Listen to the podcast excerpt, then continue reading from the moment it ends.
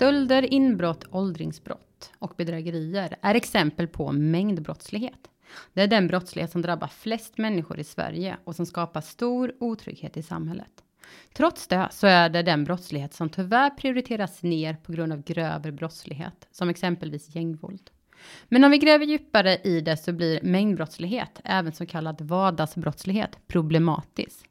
Dels på grund av otryggheten i samhället som den skapar, frustrationen som många utsatta känner när deras ärende blir nedlagda och dels på grund av de stora summor pengar som brottsligheten genererar, som i sin tur göder den grövre brottsligheten. Mitt namn är Åsa Lundin och idag ska vi prata om vardagsbrottslighet tillsammans med Mats Galvenius som är VD på Larmtjänst. Hej Mats! Hej Åsa! Välkommen till eh, Larmtjänstepodden igen. Stort tack! Eh, kort, eh, du har varit med här tidigare, men om det är någon som har missat de avsnitten så får du jätte, eh, är det jättebra om du gör en kort presentation. Ja, min namn är alltså Mats Galvenius. Eh, jag är vd på Larmtjänsten snart 15 år, men jag är också anställd i vår moderbolag eller moderorganisation Svensk Försäkring, som är en branschorganisation för alla Sveriges försäkringsbolag. Mm. Um, idag så ska vi prata om um, mängdbrottslighet eller vardagsbrottslighet. Och jag nämnde lite här precis i inledningen vad det är, men kan du, kan du ge ett kan du förtydliga begreppet så att det som lyssnar faktiskt förstår vad det är för typ av brottslighet som vi pratar om? Ja, mängdbrottslighet, det, det är den säga, brottslighet av enklare beskaffenhet som polisen själva har rätt att bedriva förundersökning av. Det vill säga man behöver inte ha en åklagare som driver förundersökningen. Det är den formella definitionen. Och då handlar det om till exempel cykelstölder, bilstölder, inbrott, butiks, butiksstölder, bedrägerier, misshandel, skadegörelse. Mm. Eh, vilka är det som drabbas av den här typen av brottslighet? Ja, den drabbar ju alla. Eh, det är ju så att 75 till 80 procent av de brott som polisanmäls i Sverige varje år, det är mängdbrott. Och det kan drabba, eh, som du nämnde tidigare, äldrebrott som, som riktas direkt mot äldre personer, men det är det drabbar barnfamiljer, eh, det drabbar ja, oss alla. Mm. På vilket sätt drabbar det då den enskilda personen? Ja, det drabbar Dels så är det ju ofta så om det är tillgreppsbrott exempelvis så blir du ju av med någonting och det kan ju vara irriterande i sig. Det kostar dig pengar. Det kanske är din cykel som du tycker väldigt mycket om.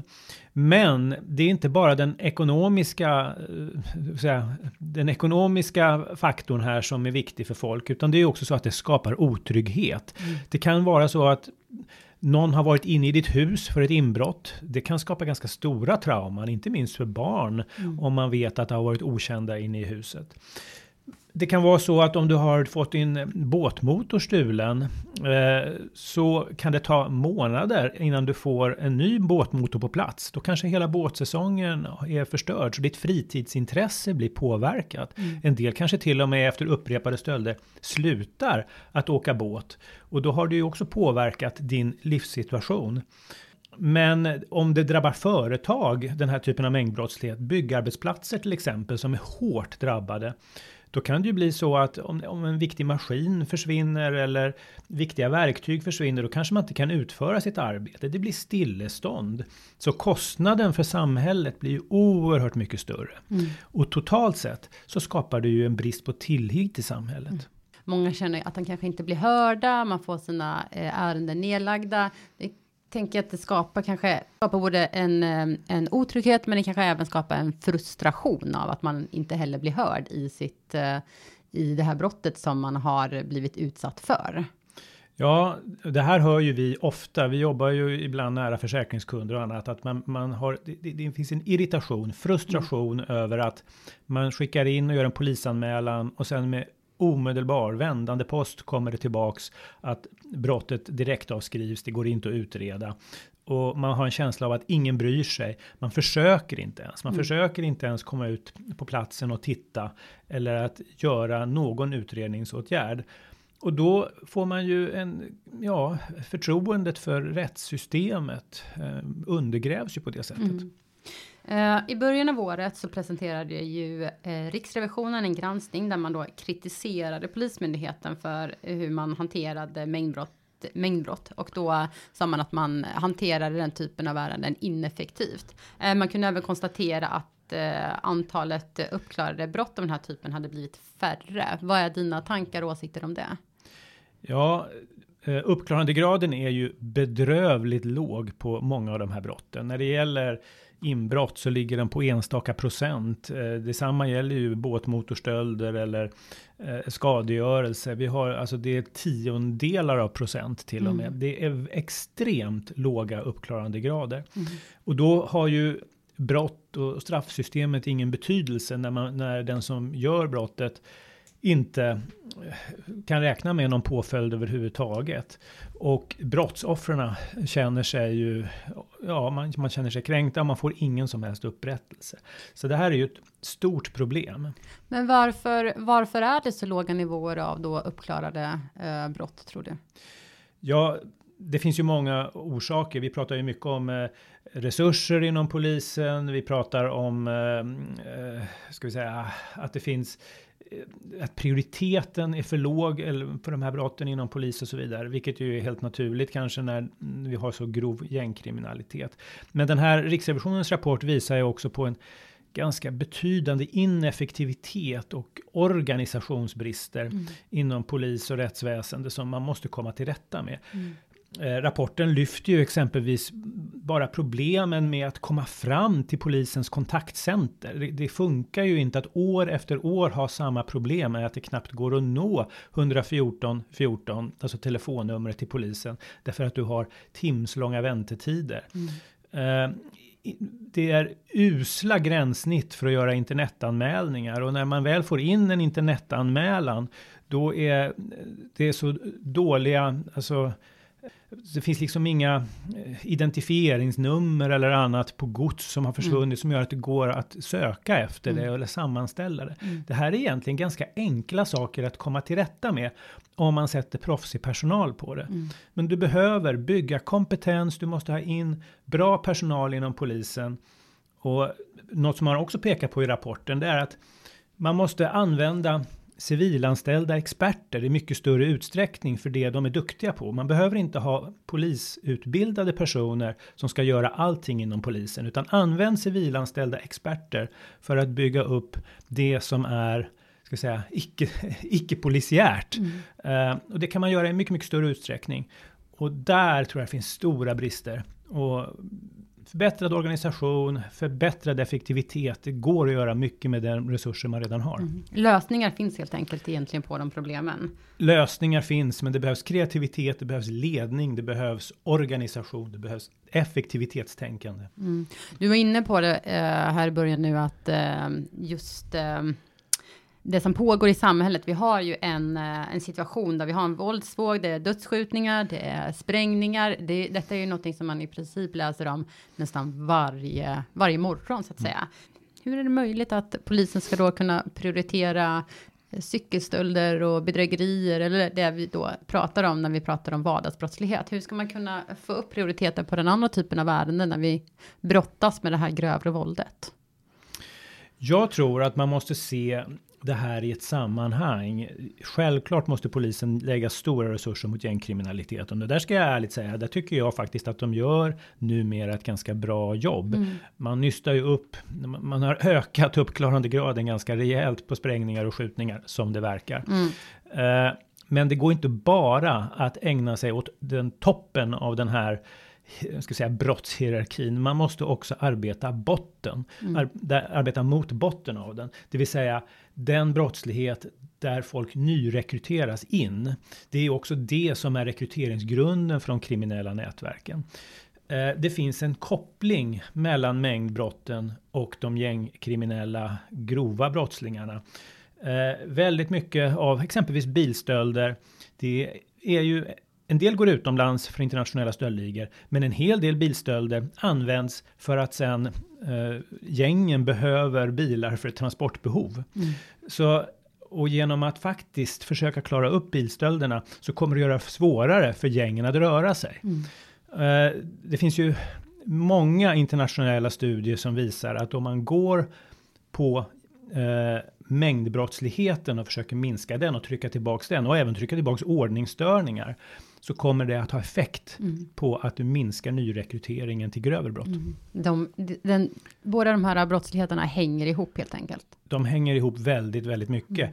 Eh, jag kan ta ytterligare ett exempel. Du, du, nämnde inledningsvis det här med äldrebrott. Det vet vi ju att en väldigt stor del av de här äldrebrotten som begås, de är organiserade, både när man kommer hem till folk eh, och stjäl deras saker eller man gör telefonbedrägerier mot äldre. Det är organiserade ligor mm. och det är kopplat till de gängkriminella. Mm. Det är en av deras finansieringskällor mm. och då, då kommer du ju inte åt om du bara går på skjutningarna. Du måste ju utreda även de här bedrägeribrotten som drabbar de äldre. Uh, vad tror du? Du var inne lite på det tidigare också, men om vi säger så här att den här typen av brottsligheten som vi har nu, den fortsätter, man lägger, man måste lägga resurserna där eh, man, eh, det blir fler, eh, färre eh, brott som klaras upp när det kommer till mängdbrottslighet. Vad tror du eh, händer, sker i samhället om det blir liksom, om vi prioriterar bort den här eh, typen av brottsligheten ännu mer? Ja, jag tror folk blir ännu mer frustrerade. De blir ännu mer ilskna och uppgivna. Eh, landet upplevs som väldigt otryggt. Sverige mm. får ett internationellt dåligt rykte. Det har vi ju redan. Vi har ett väldigt dåligt rykte i, i, i våra grannländer, men det kommer förstärkas ytterligare mm. eh, när folk vittnar om den otrygghet som sipprar ner överallt i bostadsområden, i eh, skolor, på offentliga platser. Eh, det är en väldigt negativ spiral som vi måste bryta till varje pris. Och då måste man jobba både mot eh, de gängkriminella i toppen av hierarkin och mot nyrekryteringen och de som sysslar med livstids, livstidskriminella och eh, mängdbrott. Mm. Jag tänker, eh, du pratade om eh, tidigare att eh, man måste gå på då mängdbrottsligheten för att komma åt redan på kanske en tidig nivå eh, gäng eller kriminella så att säga som sedan fortsätter sin och har kopplingar till eh, den här grövre kriminaliteten. Eh, men man kan ju också se det som, om vi börjar prata pengar och summor, eh, Polismyndigheten har ju själva gått ut och pratat om att om man ser bedrägerier, att det har en eh, väldigt stor del till eh, försörjningen av den här typen av grövre brottslighet. Eh, man kan även se att det finns stora summor i de här eh, premiumbilarna som försvinner, båtmotorer. Vad, vad är det för summor vi pratar om? Alltså, för, försäkringsbolagen betalar ut 3 miljarder varje år till, vad gäller tillgreppsbrott enbart. Mm. Och sen har vi tillkommer ju det som man förlorar i form av bedrägerier och, det får, och, och annan brottslighet, skadegörelse och liknande. Det är ungefär 10 miljarder som rinner ut ur försäkringsbolagen varje år. Uh, och en hel del av det här förs utomlands. Vi brukar räkna med ungefär en och en halv miljard kronor, men en hel del stannar också i Sverige. Mm. Och det är ju då brottsvinster som, som de gängkriminella kan tillgodogöra sig på ett eller annat sätt. Mm. Men det här är ju ändå långt ifrån allt, mm. därför att vi vet att Eh, butiksstölder är många miljarder ytterligare. Och det här är ju något som ökar och nästan har blivit en trend. I, i USA ser man ju hur butiksstölderna mot eh, exklusiva butiker ökar dramatiskt. Och den utvecklingen vill vi ju inte ha. Mm. Eh, bedrägeribrotten som riktas både mot välfärdssystemet och även mot försäkringsbranschen kostar ju tiotals miljarder kronor varje år. Så att vi, det är enorma summor. Mm. Uh, man säger ju att bedrägeribrotten, bara de, eh, ger mer finansiella inkomster än narkotikahandeln mm. till gängkriminaliteten i Sverige. Mm. Hur ska man få, om man ser på hur det ser ut nu, så har vi pratat om att den här typen av brottsligheten ändå fortfarande, trots det, eh, har en eh, lägre prioritet. Hur ska vi få eh, dessa brott att få då en högre prioritet hos myndigheten och jag tror att det krävs ganska tydliga direktiv från eh, regering att eh, man måste lägga större resurser även på mängdbrottsligheten. Mm. Eh, och inte bara ägna sig åt eh, den grova brottsligheten. Eh, för det skulle tvinga fram en omprioritering och en bättre fördelning, en ökad effektivisering inom Polismyndigheten. Mm. Men det är inte bara polisens fel. Jag sitter här och skäller på polisen och, och i viss utsträckning gör de också väldigt mycket. Eh, man griper folk på löpande band ibland, men så släpps de ut nästan omedelbart. Eh, så jag tror att vi måste ha ett annat straffrättsligt system som innebär att folk som återkommande eh, gör brott efter brott efter brott, de måste på ett eller ett annat sätt ja, inkapaciteras eller mm. kan inte få springa omkring i samhället i all oändlighet mm. Eh, och bara släppas ut mm. så fort polisen har tagit dem. Det blir ju också helt eh, demotiverande för polisen att ta samma person om och om och om igen. Och sen är det självklart så att eh, du menar alltså att eh, de som är djupt kriminella ska ha hårdare straff?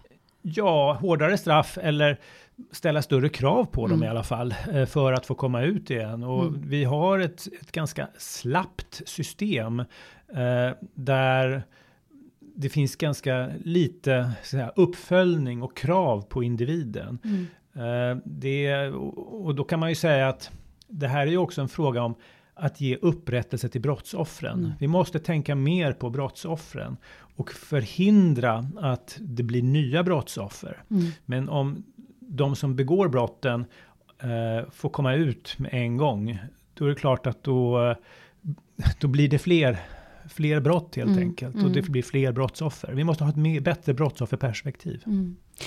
Om man eh, ser då till ehm, ja, men mängdbrottsligheten då, vad, vad, skulle branschen önska där eh, för att man ska kunna jobba mer effektivt med, eh, mer konkret effektivt då med den här typen av brottslighet?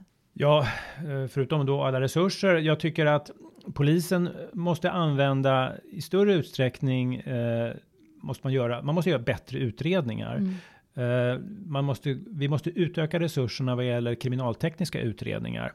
Det går att göra. Det går att utreda oerhört mycket. Eh, men polisen av resursskäl lägger ner som sagt var och avskriver polisanmälningar så fort den kommer in, trots att det är utredningsbart. Men ökad användning av kriminalteknik skulle nå ganska långt. Mm. Men då krävs det ju fler kriminaltekniker mm. och det kräv, krävs en betydligt bättre effektivitet på NFC, alltså Nationellt Forensiskt Centrum mm. och kanske få ut en hel del kriminalteknik ut i de lokala eller i, i, på regionerna så att inte allting måste skickas till centralt till Linköping. Vi eh, börjar gå mot eh, den, här, eh, den här poddens eh, slut, eller det här poddavsnittets slut. Eh, om man skulle kunna sammanfatta det så, det, den, här, både, den här typen av brottslighet, både mängd och den här grövre, de hör ihop. De gör, den ena göder den andra, så att säga. Det finns liksom en, en cirkel som sluts. Man behöver jobba liksom på båda, eh, båda delarna, så att säga, för att komma Eh, för att ha en chans att kunna eh, jobba och motverka den här typen av brottslighet. Skulle du vilja, eh, har du något att tillägga utöver det som vi har pratat om eller eh, tankar att eh, skicka ut så att säga? Alltså i debatten så pratar man ju ofta, man, man kontrasterar ju ofta att man an, liksom antingen mer repressiva åtgärder, det vill säga mm. mer polis, och med längre straff kontra brottsförebyggande åtgärder för att förhindra nyrekrytering av kriminella in i brottslighet. Eh, eller nyrekrytering av ungdomar in i brottslighet. Jag menar att man behöver storsatsa på båda dessa mm. sidorna. Det går inte att säga att det ena är bättre än det andra. Vi behöver både och. För nu har vi pratat väldigt mycket om vad polis och rättsväsende behöver göra. Men vi behöver från hela samhället hjälpa till att skapa bättre förutsättningar för ungdomar att välja en alternativ väg än, att, eh, än den kriminella banan. Och då krävs mycket från, det krävs från näringsliv, det krävs från föreningsliv, det krävs från kommuner.